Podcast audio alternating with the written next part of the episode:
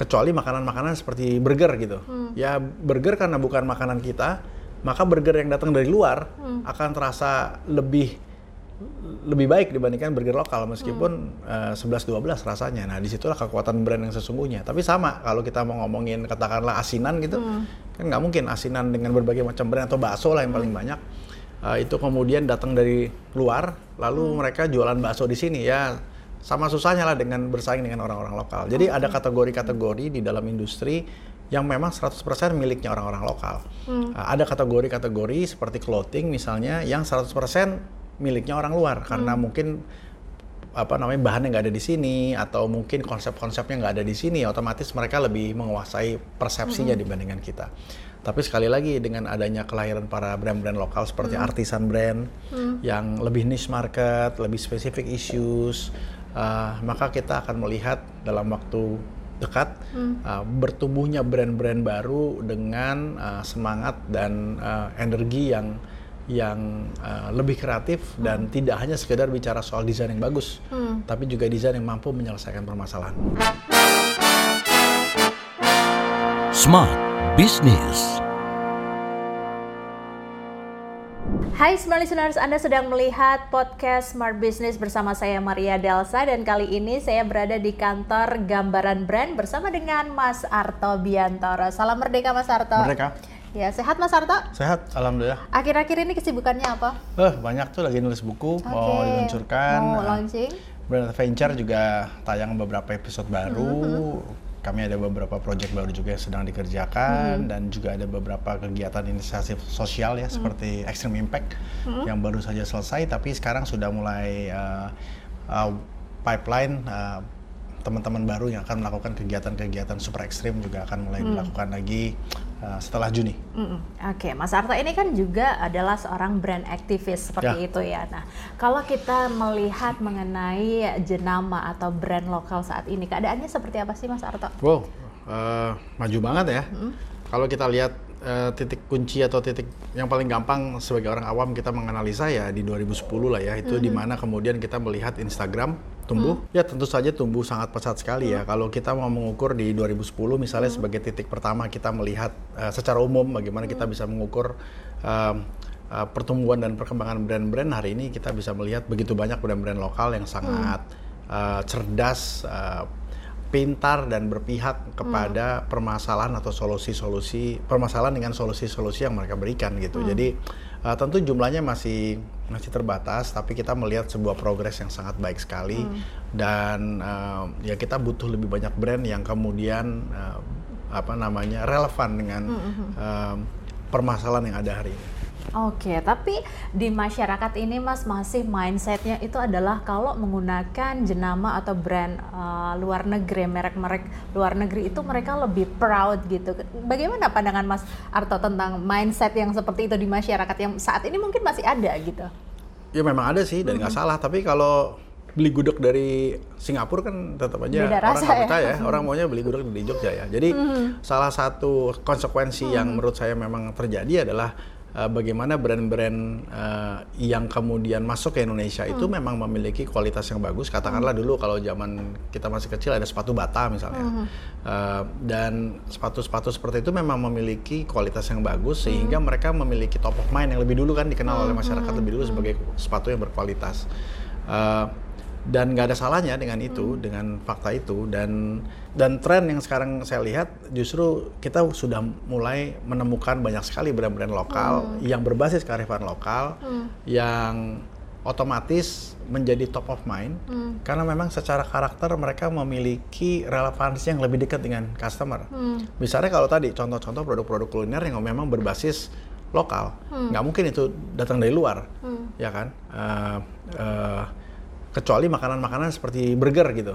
Ya burger karena bukan makanan kita, maka burger yang datang dari luar akan terasa lebih lebih baik dibandingkan burger lokal meskipun eh, 11-12 rasanya. Nah di situlah kekuatan brand yang sesungguhnya. Tapi sama kalau kita mau ngomongin katakanlah asinan gitu, kan nggak mungkin asinan dengan berbagai macam brand atau bakso lah yang paling banyak. Eh, itu kemudian datang dari luar, lalu mereka jualan bakso di sini ya sama susahnya lah dengan bersaing dengan orang-orang lokal. Jadi ada kategori-kategori di dalam industri yang memang 100% miliknya orang-orang lokal. Uh, ada kategori-kategori seperti clothing misalnya yang 100% miliknya orang luar karena mungkin apa namanya bahannya nggak ada di sini atau mungkin konsep-konsepnya nggak ada di sini otomatis mereka lebih menguasai persepsinya dibandingkan kita. Tapi sekali lagi dengan adanya kelahiran para brand-brand lokal seperti artisan brand yang lebih niche market lebih specific issues uh, maka kita akan melihat dalam waktu dekat uh, bertumbuhnya brand-brand baru dengan uh, semangat dan uh, energi yang yang uh, lebih kreatif dan tidak hanya sekedar bicara soal desain yang bagus, tapi juga desain yang mampu menyelesaikan permasalahan. Yang tadi seperti nah, yang nah berarti apa yang harus dilakukan para pelaku bisnis ini untuk yang tadi mereka mem- membuat sebuah brand-brand baru agar brand-brand ini juga nggak kalah loh sama brand-brand yang sudah ada gitu, yang udah jadi top of mind gitu. Ya penduduk dunia kan 8 miliar ton kira-kira ya. Penduduk Indonesia 280 juta. 280 juta itu eh, eh, adalah sebuah angka yang memberikan kita pemahaman bahwa semakin banyak orangnya, semakin banyak penduduknya, maka ada potensi juga eh, timbulnya permasalahan-permasalahan yang ada di di 280 juta itu. Jadi 280 juta itu adalah potensi, tapi juga eh, bisa jadi masalah. Nah, sebagai seorang pemilik usaha yang membangun brand berbasis itu, maka penting sekali ia bisa mampu melihat permasalahan-permasalahan itu dan menggunakan permasalahan itu sebagai sebuah peluang Oke. untuk menyelesaikan masalah dengan memberikan solusi. Dengan cara seperti itu kita akan melihat brand-brand baru yang tumbuh secara spesifik untuk menyelesaikan masalah itu hari ini. Kalau enggak ya kita cuma menjadi apa another gud- gudeg, another bakso yang dari dulu emang sudah ada gitu kan. Ya, Industri bakso, pedagang bakso. Kalau hari ini kita masuk ke bisnis jualan bakso lagi, kita hanya menambah pilihan bagi konsumen. Dan siapa yang menang? Yang menang adalah yang paling pertama diingat oleh konsumen. Dan paling pertama itu bisa jadi yang paling dekat, yang paling murah dan lain-lain. Sehingga buat pemain-pemain baru seperti kita di industri jualan bakso misalnya uh, akan lebih sulit untuk bersaing dengan yang sudah ada 5-10 tahun sebelumnya. Kecuali kita memiliki diferensia- diferensiasi, kecuali kita memiliki teknologi atau inovasi yang bisa bilang bahwa oh bakso kita jauh lebih baik. Maka uh, uh, saya selalu men-challenge teman-teman entrepreneur khususnya pemula ya. Ketika dia mau masuk ke usaha uh, kita nggak bisa bilang udah usaha apa aja dulu yang penting laku gitu. Karena Iya. itu pasti akan lebih sulit buat buat mereka.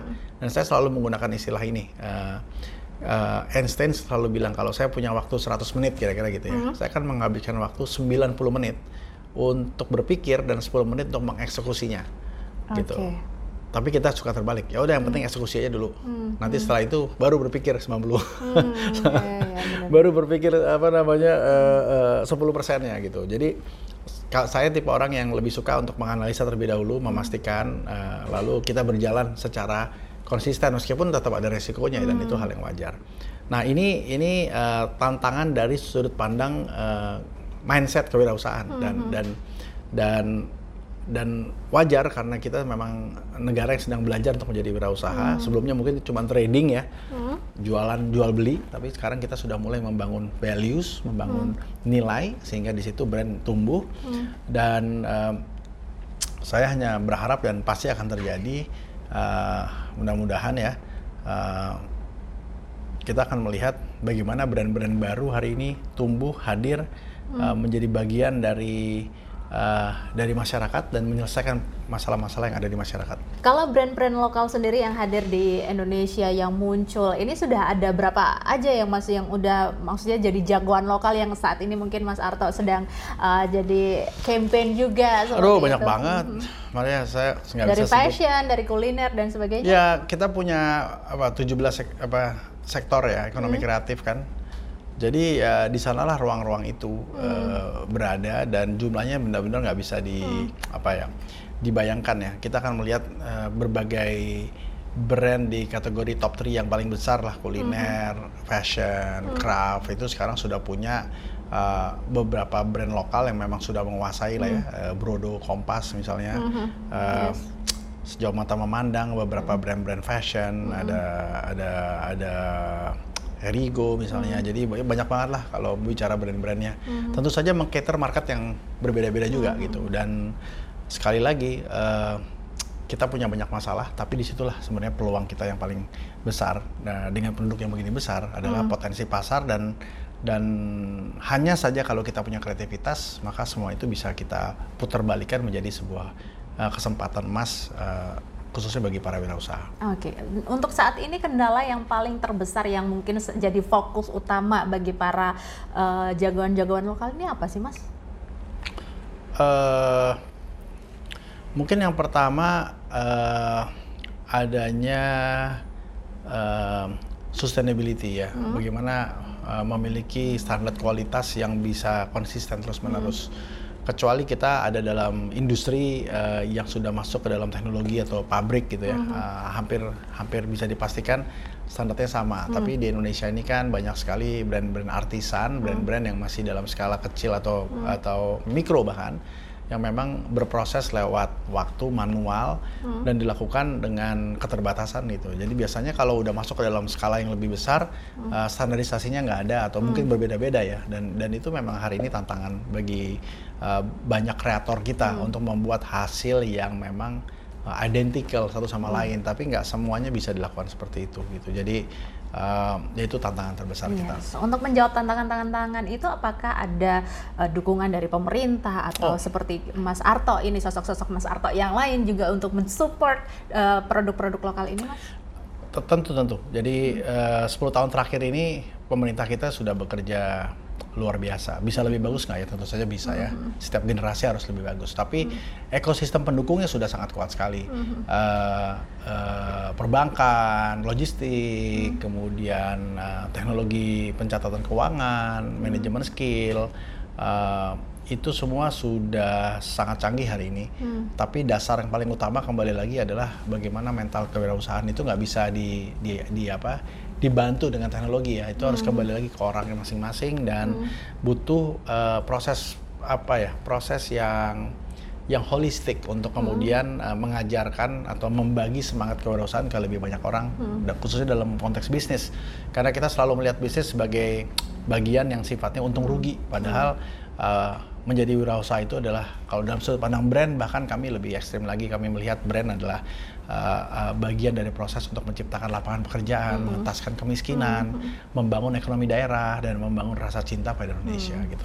Oke, mungkin ada sedikit tips dari Mas Arto untuk para jagoan lokal, jenama lokal untuk bisa terus bertahan dan juga eksis di dunia pasar saat ini. Iya, uh, sekarang kalau kita banyak melihat brand-brand yang sudah established ya, mm-hmm. uh, Marta Tilar misalnya atau uh, brand-brand dari luar gitu kan, uh, hmm. McDonald, uh, Starbucks hmm. gitu, uh, orang tua grup brand-brand besar yang yang yang sudah sering kita kenal ya. Hmm. Nah, ini hanya salah satu contoh saja, tidak mewakili brand-brand itu, hmm. tapi kita bisa melihat rata-rata uh, dari brand ini membutuhkan waktu yang cukup panjang, sekitar hmm. 50 tahun untuk wow. bisa establish ya kan. Okay. Uh, per hari ini ya, hmm. sebagian sudah di atas 50 tahun. Hmm. Nah, uh, dengan teknologi, dengan pemahaman, dengan teori, kita hmm. bisa mempersingkat waktu itu jadi lebih pendek. Katakanlah hmm. 20 tahun. Hmm. Uh, tapi 20 tahun itu tetap lama. Hmm. Jadi tidak ada satu cara yang paling singkat dalam membangun brand kecuali kita mengikuti prosesnya. Hmm. Dan ketika kita mendapatkan momentum yang bagus, hmm. kita bisa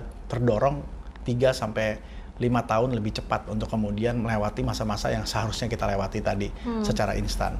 So jadi nggak ada pilihan lain kecuali konsisten berproses uh, uh, mempelajari dan membangun relasi yang baik dengan marketnya hmm. dan itu salah satu cara uh, yang membuat kita bisa bertahan dan memiliki uh, keberlanjutan yang jauh lebih panjang. Yes, konsisten dan juga uh, terus berekspansi menjadikan solusi bagi tantangan-tantangan saat ini ya Mas Arto ya. Thank you Mas Arto untuk Sama-sama. sudah bisa berbagi di episode kali ini. Kita akan berjumpa lagi di podcast Smart Business berikutnya. Akhirnya saya Maria Delsa dan Mas Arto Biantara pamit undur diri. Salam merdeka. Smart Business lead you better.